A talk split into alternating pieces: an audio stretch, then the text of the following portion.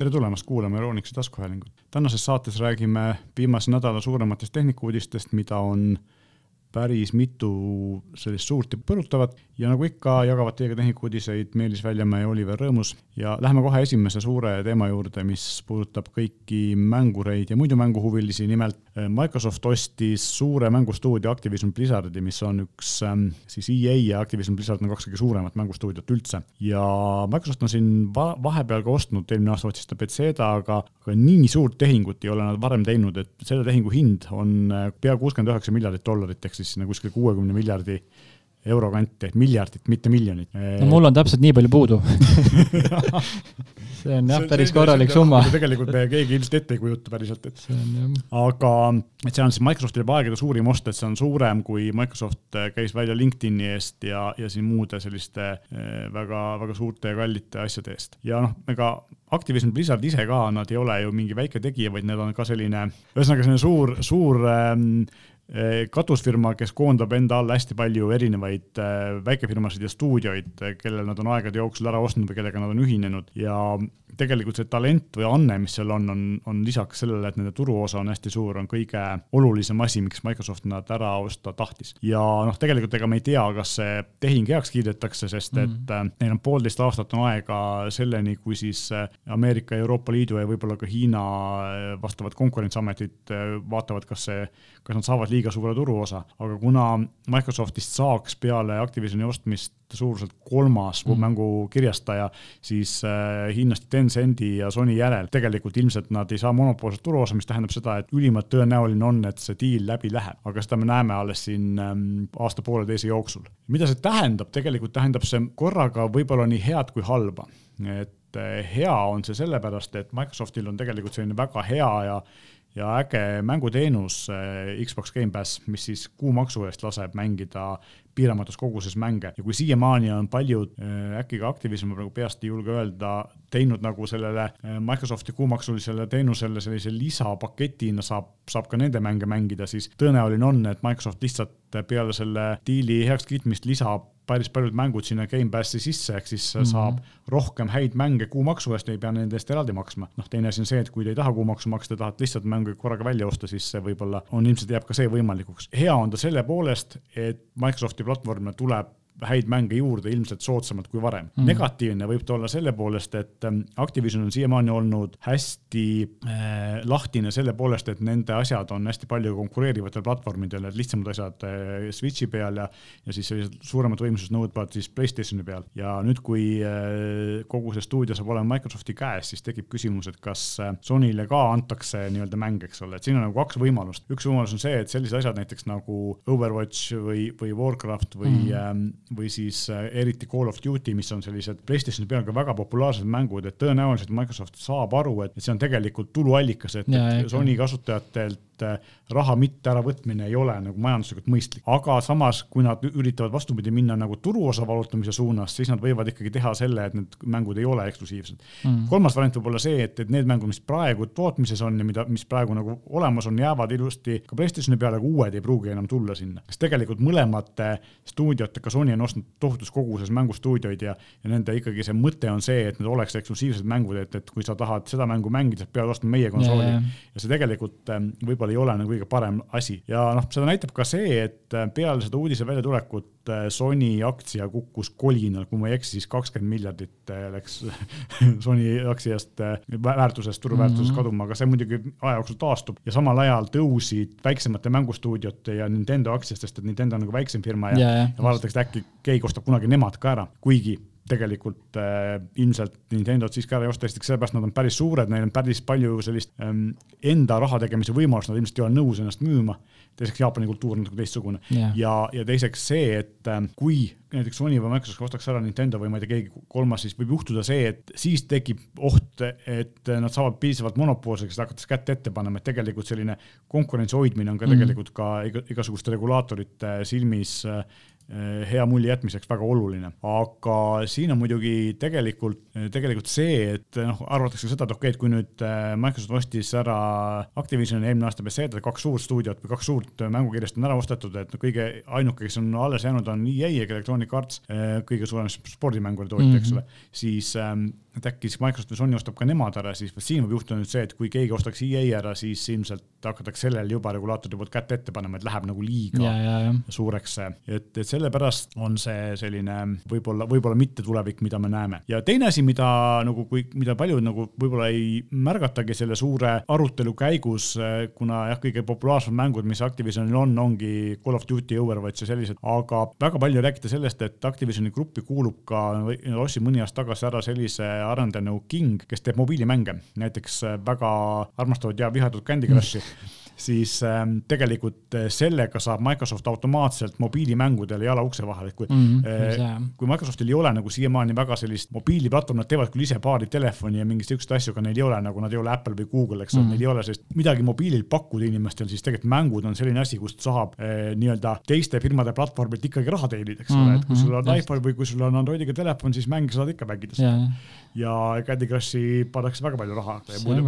mängudel jah mm, -hmm. nii et, mhm. et see on nagu asi, mis tegelikult tegelikult, millest võib-olla väga palju ei räägita, aga mis on, mis on selle diili üks osa, et miks selle tehingu eest nii palju maksti, on see, et Microsoft näeb seal tegelikult võimalust teenida tulevikus veelgi rohkem, eriti kui äh, ikkagi see mobiili mängud lähevad järjest populaarsemaks, Aasias nad on ülipopulaarsed, Euroopas võib-olla vähem, eks ole, aga, aga kindlasti see, see saab nii olema ja noh, muidugi teine asi, mida ei saa mainimata jätta, on see, et ähm, Activision on olnud viimasel ajal äh, tule all sellepärast, et nende selline kultuur on üsna kehv, et seal on ole, olnud erinevaid ahistamisskandaale ja muud selliseid asju, et, et näib siis, kuidas äh, Microsoft kui selline väga suur ja väga suure tähelepanu all olev firma, kui sellist mängufirmadest isegi väga suurtest väga palju nagu tavameedias ei räägita mm, -hmm. Microsoft ikkagi on väga palju alati nagu silma all ka sellisele tavalisele ajakirjandusele mm -hmm. ja, ja erinevatele regulaatoritele, et, et kuidas nad seda kultuuri parandada suudavad, et võib-olla see ongi hea, et, et selline firma nad ära ostis, et siis võib-olla läheb ka see kultuur nagu paremaks ja kõigi jaoks äh, töökeskkond sõbralikumaks ja sobivamaks, eks ole, et see, see on ka võib-olla asi, mida, mis on selle ostu juures positiivne. põnev tegelikult on, et tegelikult noh mina olen ka selline inimene, kes pigem, ma ei tea, võib-olla maksaks mingit väikest kuumaksu, kui, kui ostaks äh, väga kalli hinna eest mänge, aga samas mm., samas kuumaks ilmselt, kui, kui mida rohkem seal teenusmäng on, seda suuremaks see kuumaks läheb. just mõtlesin sedasama jah, et ja, ma ise ka, endal kodus on Playstation neli, eks ole, ostsin paar mängu ära, paar mängu ära, mis mulle endale nagu väga meeldivad ja, ja, ja nüüd polegi ammu ostnud midagi nüüd ootan, ootan äkki, äkki siin FIFA tuleb midagi uut ja, ja WRC, eks ole, siin äkki WRC üksteist siis peaks tulema, on ju. eks ta, eks ta tegelikult nii on on jah, et, et mängudega ongi see, et kui filme sa vaatad nagu palju järjest yeah,, eks ole, siis mängudega on see, et ostad ühe ära, siis mängid seda, noh, kes mängib no sul on mingid lemmikmängud, eks ole, täpselt. ja aga, aga samas noh, miks, miks nagu see summa võib tunduda nagu üüratu ja üllatav ja tegelikult ei ole, on see, et juba paar aastat äh, vähemalt on tegelikult, kui me võtame nagu kogu turu, siis mängudes, mängude käive, mänguturu käive on suurem kui filmiturul ja filmiturul hulka arvatakse ka sarjad, eks ole mm, -hmm. nii et, mhm. et tegelikult seal on väga palju raha ja, ja seda Äh, seal on palju, väga palju võimalust teenida, eks mm., see on, see on nagu asi, mis, mis Microsoftil siis äh, ongi silme all ilmselt, et, et esiteks see, et parandada oma turuosa ja isegi kui need mängud on konkurendi platvormil, seal on ka võimalik raha teenida, noh, tegelikult võimalik raha teenida teistmoodi, et näiteks ähm, eelmine aasta või aasta või poolteist tagasi sõlmisid Microsoft ja Sony suured konkurendid lepingu, kus Sony hakkab kasutama vähemalt osaliselt oma pilveteenuste jaoks, ehk siis just Playstationi teenuste jaoks Microsofti Azure mm. pilveservereid, kuna Sony ise ei ole selline pilveteenuste pakkuja, seal ongi kolm, eks ole, on Amazon, on Google ja on Microsoft, siis nad ilmselt et Microsofti teenus on nendele kõige parem ja, ja kasutavad tegelikult nii, et Microsoft saab ka sealt raha konkurendi mm, -hmm. konkurendi edust. Ähm, päris hea deal. just, ainuke asi, noh, mis on Sonyl praegu veel ähm, kehv, on see, et mis ongi võrreldes selle Microsofti äh, Xbox Gamepassiga, mis on tegelikult väga hea selline võrguteenus mängude mängimiseks, siis äh, Sonyl nagu midagi sarnast ei ole, neil on kui see PlayStation pluss ja on PlayStation Now, pluss on siis selline kuumaksuline teenus, mis annab mm -hmm. sulle paar mängu kuus tasuta ja, ja lisaks veel mingeid allahindlusi mm -hmm. eksklusiivseid ja PlayStation Now on siis see nii-öelda striimimisteenus, kus sa saad nagu vanemaid mänge mängida samamoodi kuumaksu eest, aga neil ei ole nagu sellist ühtset teenust ja siin käivadki ikkagi kuulujutud, et Sony ikkagi kavatseb sel aastal need kaks teenust kokku üheks panna ja tegelikult see oleks nagu loogiline no,. mõistlik jah. just, et selle asemel maksta seal, ma ei tea, mingisugune, palju see on, mingi viiskümmend eurot aastas ja viiskümmend eurot aastas teise eest, võib-olla mingi seitsmekümne euro eest aastas mm -hmm. või, mhm. või kaheksakümne eest saad sa või kümne, kümme eurot kuus, eks ole, näiteks saad sa siis äh, nagu ühise asja mõlemast, eks mm -hmm. loogiline oleks, on ju, aga eks me näe, et, et selle tehingu heakskiitmiseks on nüüd poolteist aastat aega, nii et ähm, vahepeal võib juhtuda veel nii mõndagi, et ilmselgelt on ka see, et kui Sony näeb, mida Microsoft teeb, siis ta hakkab ka kiiremini liigutama mm. -hmm.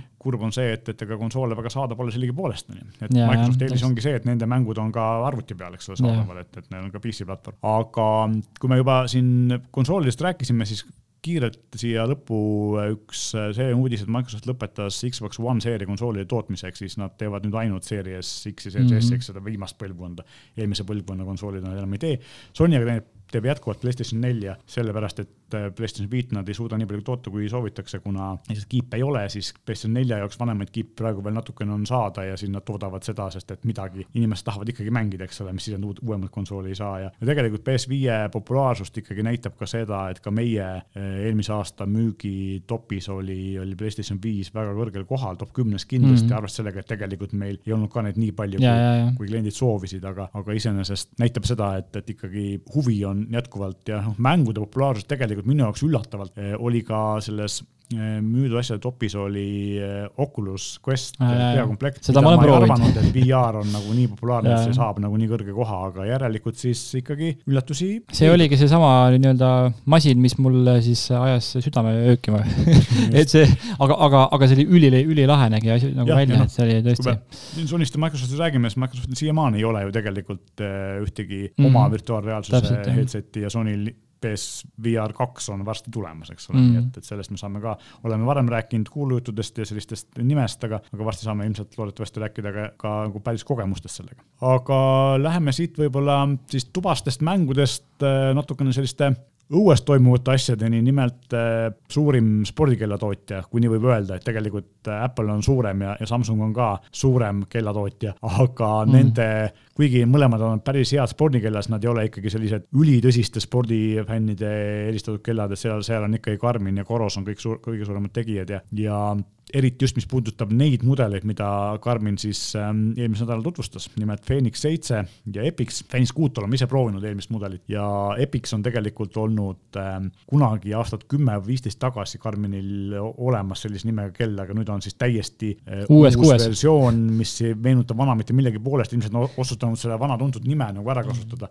Äh, mis on eri, uut, on see, et kui Garmini sellised äh, tipptasemel äh, sportlastele mõeldud spordikellad ei ole kunagi olnud puuteekraanil, ekraaniga, sest et eh, noh, kui sa lähed higiste näppudega jooksed, eks ole, või kui sul on näiteks talvel eh, suusatad midagi kindlat käes, siis puuteekraani sa väga ei kasuta, eks ole, siis nüüd on Neil mõlemal kellal on puuteekraan, olen vaadanud esimesi ülevaateid, videoid, huvitav on see, et need puuteekraanid ilmselt on siis survetundlikud, ehk siis nad töötavad ka kinnastega. Mm..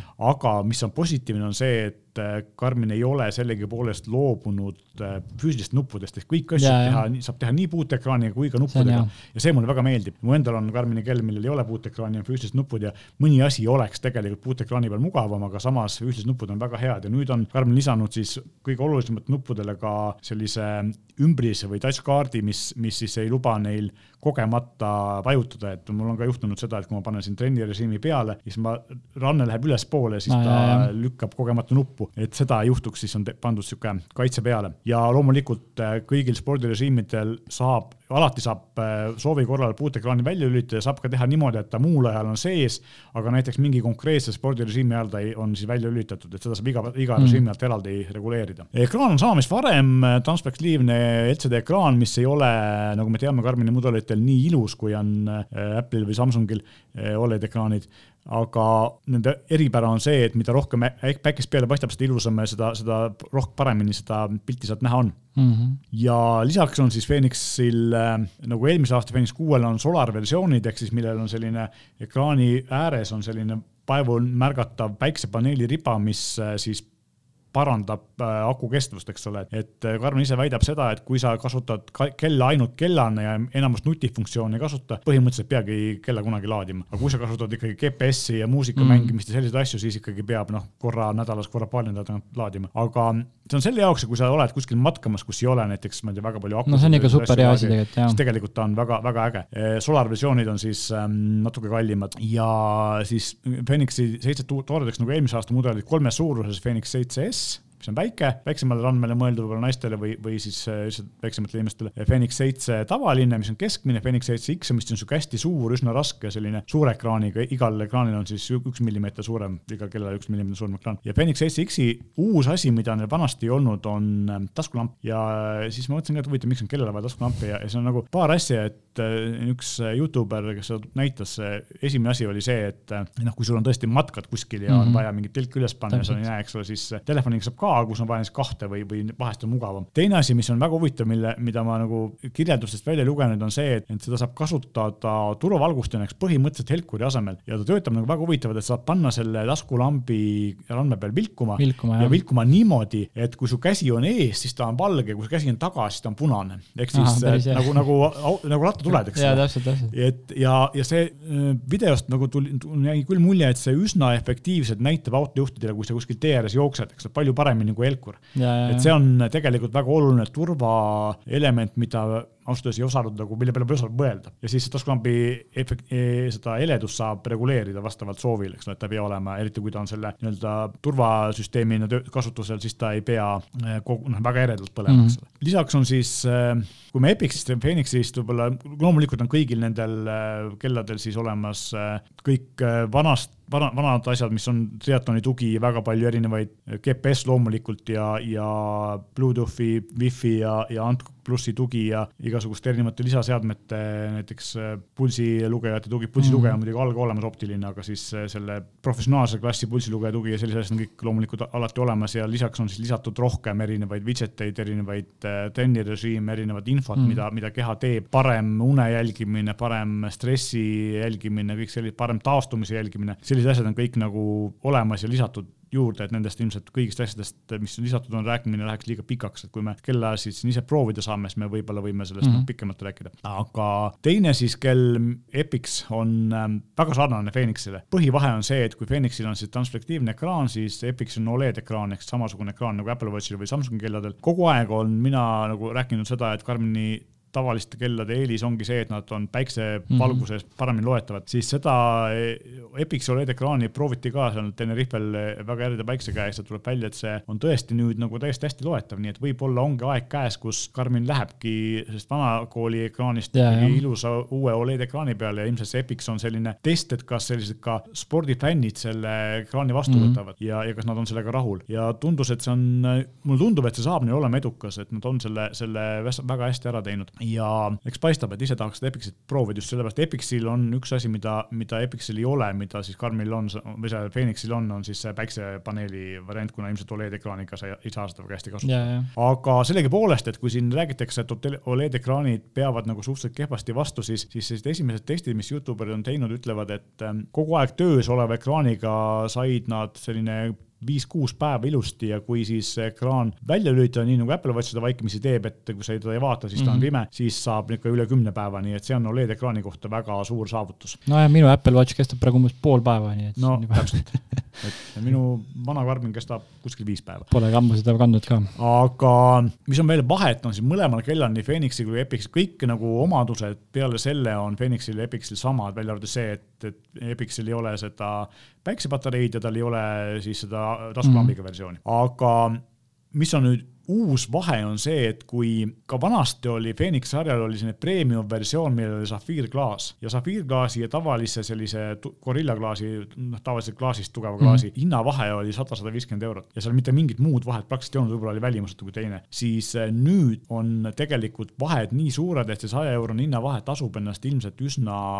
hästi ära, eriti arvestades, et kellad ei ole odavad. mis on siis ähm, nüüd Epixi ja Phoenixi premium versioonil uut, esiteks noh, loomulikult safiirklaas nagu vanasti, lisaks lisaks äh, Rostova korpus on titaankorpus, mis on tugevam ja teeb kella kergemaks. kolmkümmend kaks giga sisemälu, vana tavalisel kellal on siis kuusteist giga ehk poole rohkem ja multiband GPS, mis tähendab seda, et GPS töötab kahe sageduse peal. Ehm, lisaks sellele, et tal on siis lisaks GPS-ile ka GLONASS ja, ja mis iganes see Hiina GPS-i alternatiiv on, kõigi nende tugi on olemas, ehk siis korraga multiband GPS lubab võtta korraga vastu infot kuni kuuekümne erineva satelliidi pealt, mis tähendab seda, et kui sa kuskil mägedes ja sul on äh, väga palju metsa ja mägesid ees ja alati ei pääse mm -hmm. mingi satelliitide ligi, siis tegelikult nüüd peaks olema GPS-i täpsus palju palju parem, kui ta vanasti oli, eriti rasketes oludes, tavaoludes, kus on lage plats, seal ilmselt vahest aru ei saa. Yeah.. aga ongi see, et, et tegelikult nüüd selle saja euro eest saad sa rohkem neli asja, mida sa varem ei saanud, minu arust näiteks see poole suurem mälu on hästi oluline nendele inimestele, kes kasutavad kella peal kaarte, kes matkavad või suusatavad yeah. midagi sellist, sest et ähm, vahe on ka selles, et kui sa ostad endale kuueteist gigase mäluga versiooni, siis sul ei ole kella peal kohe kaarte. kaardi tugi on olemas, aga sa pead nad käsitsi endale installima Karmini lehe, kodulehelt, sellepärast et eh, kuna kõik kaardid korraga ära ei mahu, siis sa pead eh, vastavast regioonil, eks ole, et kui sul on kuusteist giga mälu ja ainuüksi Euroopa, täis Euroopa kaardid on kaksteist giga suured, nii et siis noh kui sa paned Euroopa mm -hmm. pluss Ameerikas enam ära ei mahu, eks yeah., sa pead valima. kui sul on kolmkümmend kaks giga mälu, siis sinna on kohe eelinstallid kogu maailma kaardid ja lisaks siis muidugi saab, eks ole, sinna mälusse ka, ka salvestada kas Spotify'st või Amazon Musicust või Deezerist muusikat ja ühendada klapid või kõlari, minna välja niimoodi, et telefoni pole kaasas ja, mm -hmm. ja kuulata muusikat, eks ole või podcast või mida iganes. et see vahe on ka, et tegelikult selle saja euro sinna vahe eest saab palju-palju rohkem, kui vanasti sai. ja üks asi, mis on siis lisaks sellele, et on kaardid ja navigatsioon, kaks uut asja on kaartidel, esimene on see, et eh, kui sa salvestad omale, teed omale nagu nii-öelda track'i või sellise kava, kuhu sa kavatsed minna, joonistad ette, kas Karmini serveris, Karmini veebis või siis kuskil mõne kolmanda eh, pakkuja teenusega, mis on Karminiga ühilduv, Stravaga või mõne komoodiga või sellisega, siis sa saad eh, sellise widget'i, mis näitab sulle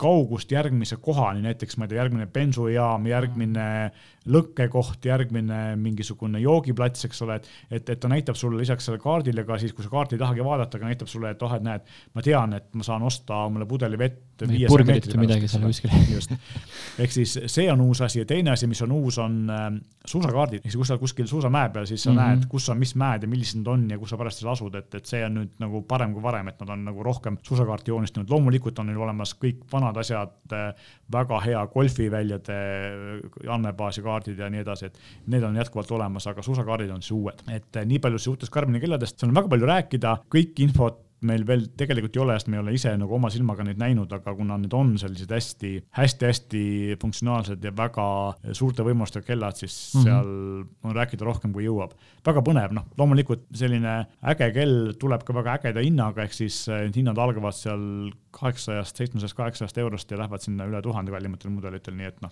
päris, päris korralik kell, aga, aga noh, nad ongi mõeldud ikkagi sellistele inimestele, kes teevad tõsiselt sporti ja mm., ja see võib-olla tasub ära, sest et kui Apple Watch ja Samsung kell on selline pigem see, et sul on nagu ökosüsteemi Äh, märk, et sa vaatad oma teavitusi, jälgib su und ja teeb mm -hmm. mingeid selliseid asju, siis Karmini kellad on ikkagi mõeldud nagu päriselt nii-öelda spordiandmete salvestamiseks ja, ja trenni tegemiseks. ja loomulikult noh, lisaks, kui me räägime sellest, et äh, siin äh, Apple Watch ja Samsung kellad ja muud konkurendid näitavad sulle teavitusi, saad nendega maksta ja nii edasi, Karmini kelladega samamoodi saab maksta, eks ole, LHV ja Swedbank mm -hmm. toetavad neid. samamoodi on siis teavitused telefonist ja, ja kõik muu selline on, on ka peal, nii et selles mõttes selline põhimõtteliselt ikkagi täisväärtuslik kell ja see Epixi Oled ekraan tundub, et nad lähevad ikkagi väga, väga tänapäevaseks.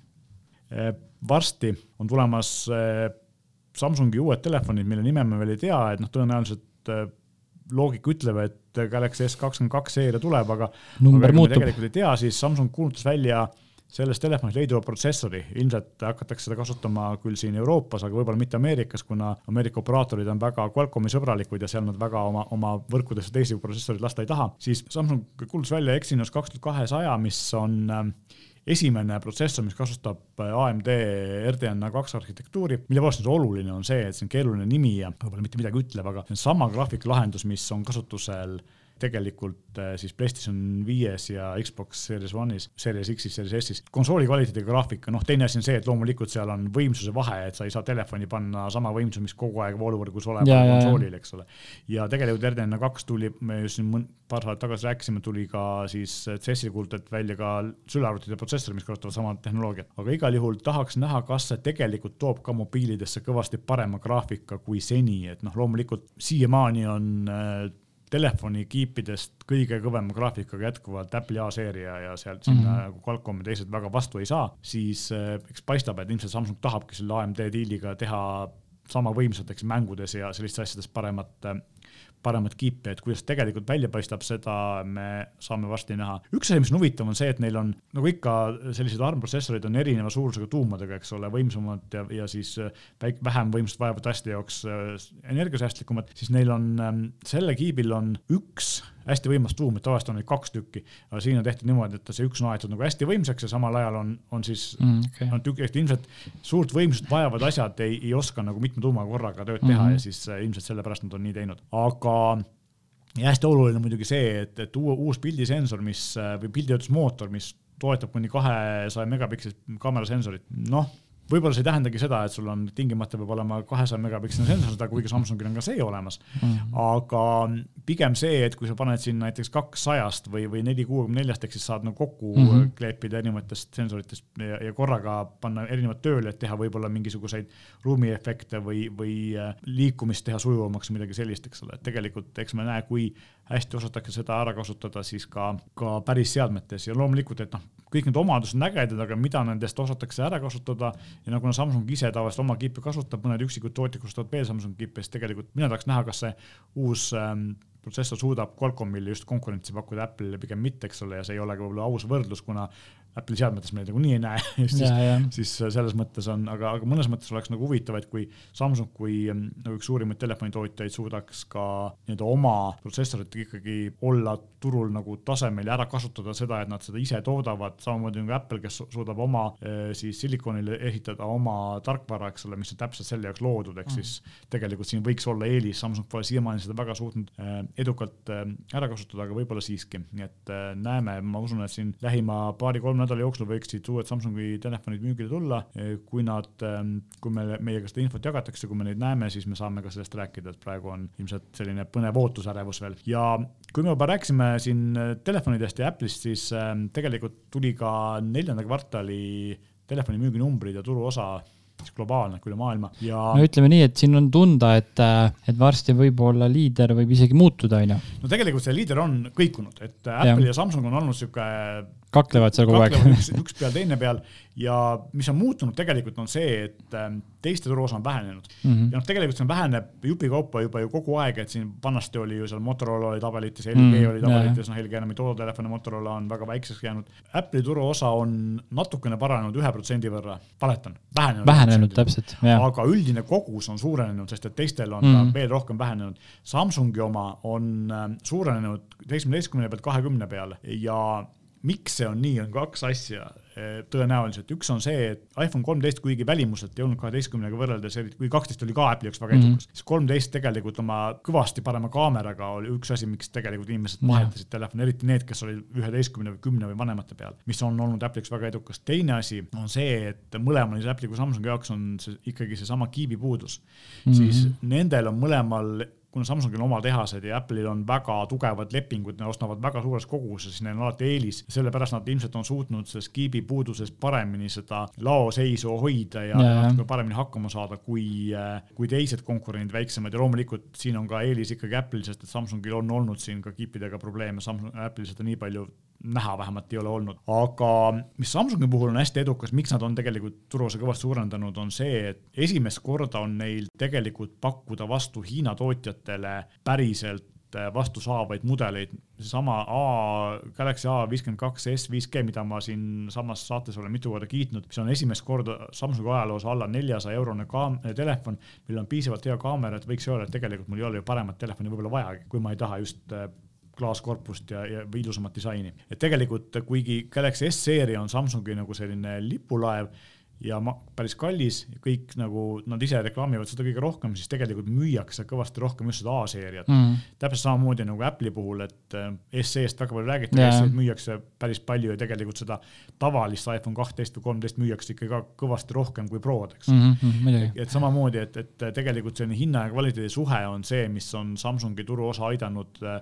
Xiaomi'le, Oppole ja sellistele mm. Aasia konkurentidele vastu saada, et nad suudavad selle kolme-neljasaja eurose hinnaklassis teha Eh, midagi sellist, mida nad varem kas ei suutnud või ei tahtnud, pigem ei tahtnud, eks ole, et lihtsalt nüüd on nad aru saanud, et, et see oht sealtpoolt eh, nende müüginumbritel on piisavalt suur, nad pidid selle valiku tegema ja see valik oli edukas ja mulle tundub, et me näeme siin selliseid häid Samsungi keskmise hinnaklassi telefone veelgi ja noh, mina ise ootan põnevusega seda, et kas Apple teeb ka sel aastal siis uue SE ja äkki nüüd ta teeb siis äh, Face ID-ga SE, kus on ekraan üle terve korpuse, mitte ei ole enam Touch ID äh, sensorid seal ees, eks. näeme, igal juhul huvitav oleks, et see, see tegelikult ma usun, et tõstaks ka Apple'i sellist keskmise hinnaklassi turuosa ja võib-olla mm -hmm. Apple'i kahjuks natukene selliste kallimate mudelite arvelt loomulikult. aga eks me, eks me näe, et, et ilmselt kevadel võib oodata Apple'ilt mingeid uusi, uuemaid, äh, soodsamaid asju ja siis nagu ikka sügisel päris uut mudelit, aga, aga selleni on veel peaaegu aasta aega, nii et. see on jah, natuke läheb aega sellega. ja võib-olla lõpetuseks vaatame ka paar sellist ähm, rahaga seotud lühiuudist. nimelt äh, siis ähm, aasta tagasi toimus Brexit ehk siis äh, Ühendkuningriik lahkus Euroopa Liidust äh,, mis on väga kurb ja mis tähendab seda, et Euroopa Liidu seadused ja piirangud väga tihti enam ei kehti seal. esimene asi, mis kohe juhtus, oli see, et äh, Visa, siis suur äh, pangakaartide väljastaja või, või makselahenduste pakkuja, tõstis kohe kolaki oma Amazonile oma vahendustasu null koma kolme protsendi pealt, mis on Euroopa Liidus eh, kohustuslik eh, number pooleteist protsendi peale. Ja selle peale loomulikult et äh, Amazon peastas ja ütles, et nii, et mingist poolest või veebruari algusest vist või mingist kahekümnendast jaanuarist midagi sellist enam ei saa visakaartidega Amazonis maksta mm. -hmm. ilmselt peeti vahepeal mingeid läbirääkimisi, jõuti mingi kompromissini ja siis eile tuli uudis, et Amazon siiski lubab edasi visakaarte kasutada. see on kaks asja, et esiteks on see, et ähm, tegelikult on see selline titaanide heitlus, et mm -hmm. kui Visa tõstaks siin mõnel Eesti pakkuja, teenusepakkujal kõvasti vahendustasu, siis ilmselt me ei saaks nagu mitte midagi teha, sest et meid lihtsalt ei kuulatakse, Amazon on lihtsalt niivõrd suur ja vastupidi vastupidi, eks ole, et kui, kui Visa tõstaks hinda, siis ähm,, siis Amazon on piisavalt suur, et nende nagu selline äh, nii-öelda vastuhakkamine ilmselt mõjutab kohe nagu ka neid, kuna see raha, mis sealt liigub, on ikkagi niivõrd tohutu kogus, eks ole. ma arvan jah, et, et äh, neile mõlemal on see koostöö nagu vajalik, et äh, mis mind huvitab, on see, et, et kui mina ei teadnud seda, et Euroopa Liidus on selline vahendustasu suuruse piirang, et huvitav, kas see kehtib ka Eestis, noh teoreetiliselt nagu võiks, ma olen, mäletan, et seda, et kui vanasti oligi see kaartide eh, teenustasu oligi see kuskil pooleteist, kahe protsendi peal, sõltuvalt sellest, kui suur eh, firma sa olid, kui, kui suur su käive oli, siis kas see tõesti on tänu Euroopa Liidule nii palju vähenenud, iseenesest mõistlik oleks, kuna käive on nii palju suurenenud, eks ole, et mida, mida ja. vähem ähm, su see protsent on, seda rohkem müüjaid, eriti väikseid müüjaid ähm,, sellised väikepoed, eks ole, ja, ja näiteks mingid talupidajad, kes iganes tahavad turul oma kaupa müüa. kui see vahendustasu on pisut väike, siis on ka neil mõistlik aktsepteerida kaardimakset, seda suurem on käive, seda rohkem tegelikult mm -hmm. ikkagi teenivad, et selline suurusefekt võiks siin ju lugeda ja, ja täitsa huvitav, et seda peaks isegi võib-olla uurima, et kas, kas ka meil on need piirangud samasugused. ja teine asi, mis on kurb, on see, et ähm, Netflix tõstis jälle hinda, seekord USA-s ja see puudutab ka mind, sest et minul on äh, jätkuvalt USA Netflixi konto, et kunagi ma tegin selle siis, kui Euroopas äh, veel väga hästi seda teha ei saanud ja, ja see on mul siiamaani jäänud ja ta oli, siiamaani ta oli alati natuke odavam kui Euroopas, ta on siiamaani, kuna dollari alusel makstakse, ta on natuke odavam, aga ikkagi, et ka nüüd on see hind on üheksateist dollarit, minu arust on Euroopas on ta kas seitseteist või kaheksateist eurot. see kõige kallim pakett, kus on siis 4K ja neli vaataja kohta ja see on ikkagi nagu kümne aastaga, kaks tuhat üksteist aastast alates on tõusnud kaheteist dollari pealt ühe, kahekümne peale siis mm. -hmm. ehk siis praktiliselt kaks korda ja see panigi mind mõtlema sellele, et kus on see piir, ehk siis kui kaua inimesed seda hinna, kui, kui palju nad saavad seda väärtust, kui, kus see hind saab lõppeda sellega, et, et Netflix hakkab kaotama tellimusi, et ma tean, et äh, Ameerikas nende tellimuste number väga palju enam ei suurene, aga uutest turgudest nad saavad kogu aeg juurde ja kasvavad. aga kuskil mingi hetk jääb see kasv seisma, eriti kui praegu on äh, hästi paljud tehakse igasuguseid kõik äh, erinevad äh, õiguste omajad ja telekanalid üritavad teha oma streaming teenust ja selle eest raha küsitakse selle viis eurot, kuus eurot, mis mhm. iganes, kuidas keegi, siis tegelikult kuskilt tuleb see piir ette, et sa võtad selle teenuse ja seda teenust ei, ei, ei viitsi vaadata, sest et sa ei taha nii palju maksta, eks ole, et lõpuks sa maksad, ma ei tea, sada või rohkem. no ma ise mõtlen ka selle peale, et äh, ütleme, palju meil maksavad need koduteenused praegu siin Elisa või Telia mingi kakskümmend viis eurot äkki või, või kolmkümmend või? et noh, et, et ma arvan, see lagi võibki kuskil seal olla, et sa võrdled seda justkui no, nagu teleteenusena, eks ole. näiteks noh, maksad Netflixi eest, noh, ma ei tea, kaheksateist eurot kuus, siis sa võtad seda Amazon Prime'i, maksad selle eest kaheksa eurot kuus. seal on veel see, et mujal maailmas on Amazon Prime kasulik, sa saad tasuta transpordi ja muud asjad, siis Eestis see ju ei kehti, eks no,. sa võid videot vaadata ja sedagi piiratud koguses. siis noh, Ameerikas on veel Hulu ja Paramount pluss ja Peacock ja muud sellised teenused, et kui sa võtad need järjest, noh, meil on siin, ma ei tea, Go3 ja mm, -hmm. ja mingid muud sellised asjad, lõpuks sa maksadki ja võtad võib-olla veel Spotify ja siis võib-olla mingi audioraamatut teenuse, kui sa tahad WRC-d vaadata, võtad selle, võtad mingi Eurosport player'i viie eurost, mis iganes. just see, kusjuures ma hakkasin WRC eest. lõpuks lõpuks see on eh, noh, niivõrd suur summa, et sa pead hakkama valima, et mida ja, sa siis tegelikult ja. vaatad, eks ole. Netflixi selline kahekümne, seitsmeteist, kaheksateist, kahekümne, kui, kui see Netflixi hind ka Euroopas läheb üle kahekümne euro, siis ma kujutan ette, nad hakkavad kaotama ikkagi lõppude lõpuks eh, kliente, sest et sa pead vaatama seda, kui palju su, sa selle aega veedad ja kui palju sa mm -hmm. sellest väärtust saad, et seda hinda maksta tasub, eks ole. et see on selline ilmselt eh, kõrge matemaatika, et nad ise peavad seda vaatama, kus kohas see piir on, et ja, ja, ja. ja ma arvan, et esimene asi on see, et mingil hetkel hetkel peab see hind kas jääma paika või hakkama alla tulema ja teine asi, mis kindlasti juhtub, on see, et need väiksemad teenused panevad kas pillid kotti või siis leiavad ühte kappi ja liituvad üksteisega, teevad mm -hmm. mingisuguse sellise konkureeriva teenuse. Hulu oli kunagi selline Netflixi suur konkurent, mis oli nelja stuudio poolt loodud, siis kaks nendest stuudiotest on nüüd lahkunud, teinud oma platvormi ja Hulu müünud Disneyle maha ja siis ähm, kolmanda stuudio Foxi on Disney ära ostnud, nii et tegelikult mm -hmm. nüüd on Hulu täielikult, põhimõtteliselt täielikult Disney oma, lisaks Disney plussile, et Disneyl on kaks platvormi tegelikult,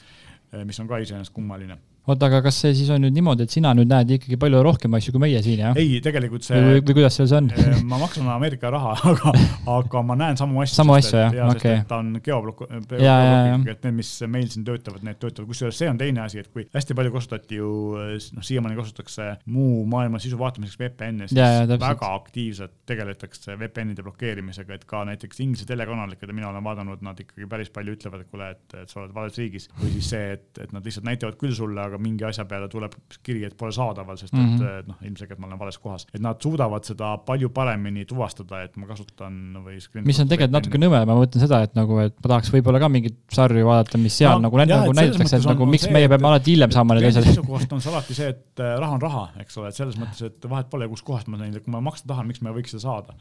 aga noh, miks see, miks see nii on, on see, et õiguste omanikud müüvad neid ka telekanalitel ja siis, kui siin riigis on telekanalile müüdud mm, -hmm. siis nende jaoks nende suhtes on ebaõiglane see, et kui ma ei vaata mitte, maksan neile, vaid ma vaatan seda sealt, kus ma ise tahan. et see on tegelikult see probleem ja sellepärast ka Netflix ja Amazon, ma tean, vähemalt teevad niimoodi, et kui nad teevad ise oma uued sarjad, siis nad teevad seda globaalsete õigustega mm, -hmm. ehk siis mhm. nad saavad seda näidata üle kogu maailma. kui nad ostavad midagi sisse siis äh, jälle vastu ja meil on muidugi ka see, et tegelikult on ka vastupidi, näiteks äh, Netflixis on siiamaani olemas äh, mingid Star tracki sarjad, mis Ameerikas on nüüd Paramount plussi käes, kes on nende õiguste omanik, tegi oma, oma platvormi ja võttis Netflixi käest need sarjad ära, aga kuna nad Euroopas veel ei ole eriti aktiivsed, siis Euroopas on need veel saadaval mm -hmm. Netflixis kõigi jaoks. et seal on ka see, et, et mingites piirkondades on ühed ja mingites piirkondades on teised, nii et ähm, see on, see on hästi keeruline, aga, aga põhiline on see, et, et mingil hetkel tuleb see piir ette, kus enam see hinnatõus nagu ei, ei ole jätkusuutlik. muidugi. Netflixi lihtsalt äh, eeliseks ongi see, et neil on nii palju erinevaid asju, et äh, nad on siiamaani suutnud äh, selle puhta siis sisu kogusega inimese enda küljes hoida, aga see ei pruugi nagu igavesti kesta. et selle tõdemusega me võtamegi selle saate kokku ja räägime teile järgmine nädal jälle uutest uudistest ja võib-olla on ka meil mingeid äh, asju, mida oleme vahepeal proovinud, katsetanud ja saame rääkida isiklikest kogemustest. täname kuulamast ja nagu ikka, kui te soovite meile kirjutada, anda teada, millest te soovite, et me räägiksime või on teil tagasisidet, siis palun kirjutage meile, meie aadress on saade at euroniks.ee. meie täname